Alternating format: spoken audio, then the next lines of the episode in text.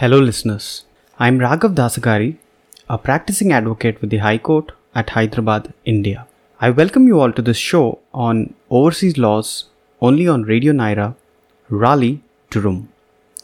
Broadcast on three frequencies 99.9 FM HD4, 101.9 FM, and 1490 AM. Unlike every week, where I speak with you on different legal issues that are most relevant to Indians abroad. But today, I am on a very different purpose.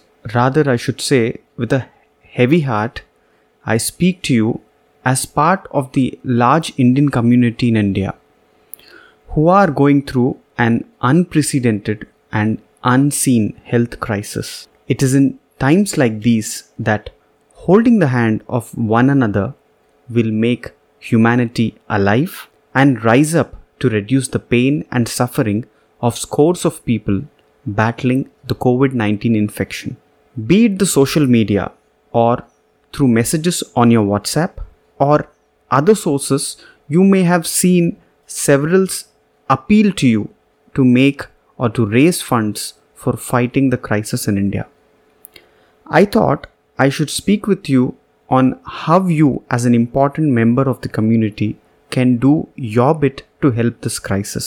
Even before the news of India's massive crisis due to the COVID 19 second wave made it to the headlines world over, all the connected and concerned individuals were already aware through their friends and family updating them about the crisis as it unfolded.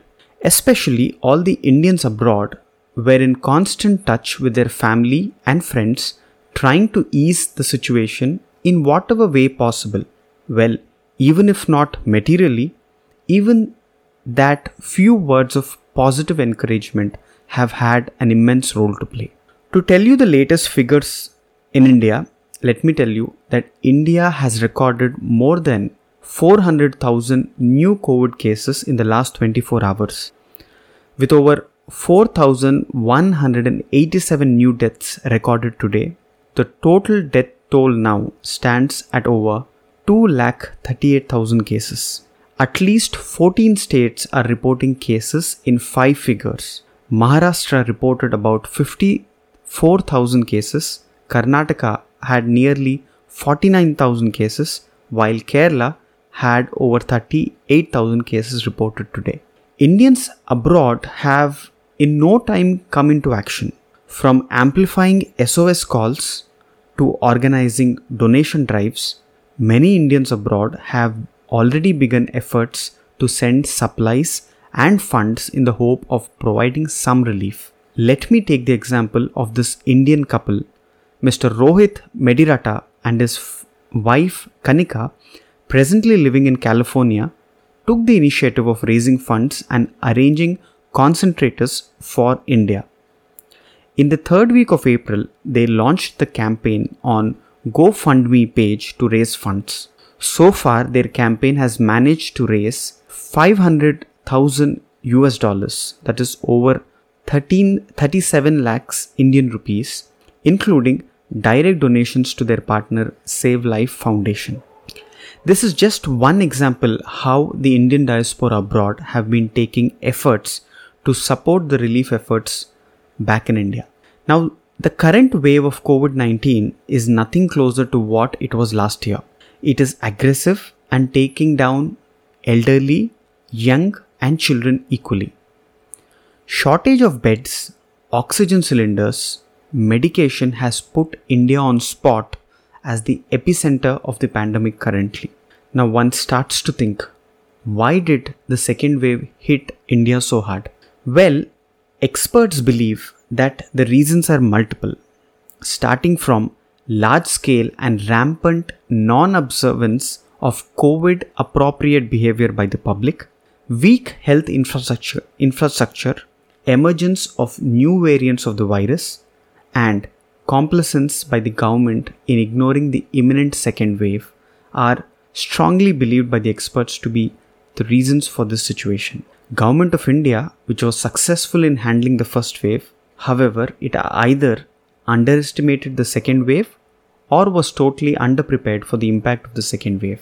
The exponential rise of cases, which is causing immense pressure on health infrastructure, is leading to unavailability of hospital beds, lack of sufficient oxygen supply, shortage of critical drugs used for treating severe cases of the disease are seen across the country. Various organizations, both at the international scale and at the national scale, have sprung up to the situation and have been extending their help in whatever ways possible. Now, let me tell you some of the international organizations that have played and have been playing a critical role in the COVID 19 relief in India.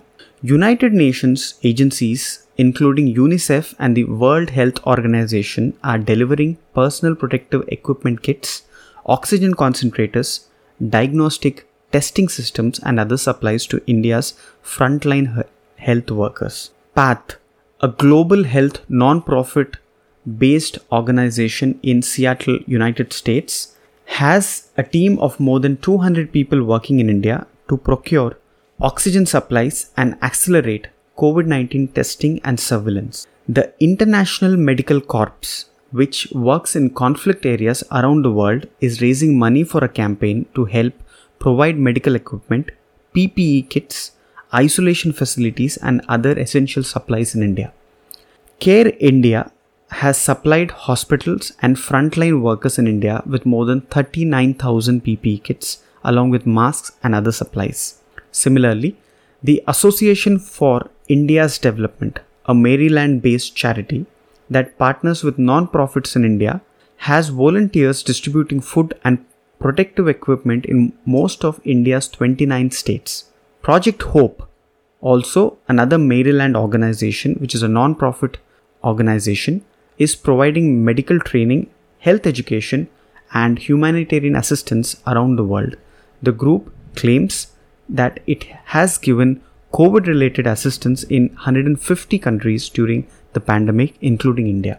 Give Asia, a fundraising platform in Singapore for causes across the Asia Pacific region, says it is working with the Singapore Red Cross to send ventilators, oxygen concentrators, and oxygen generators to India.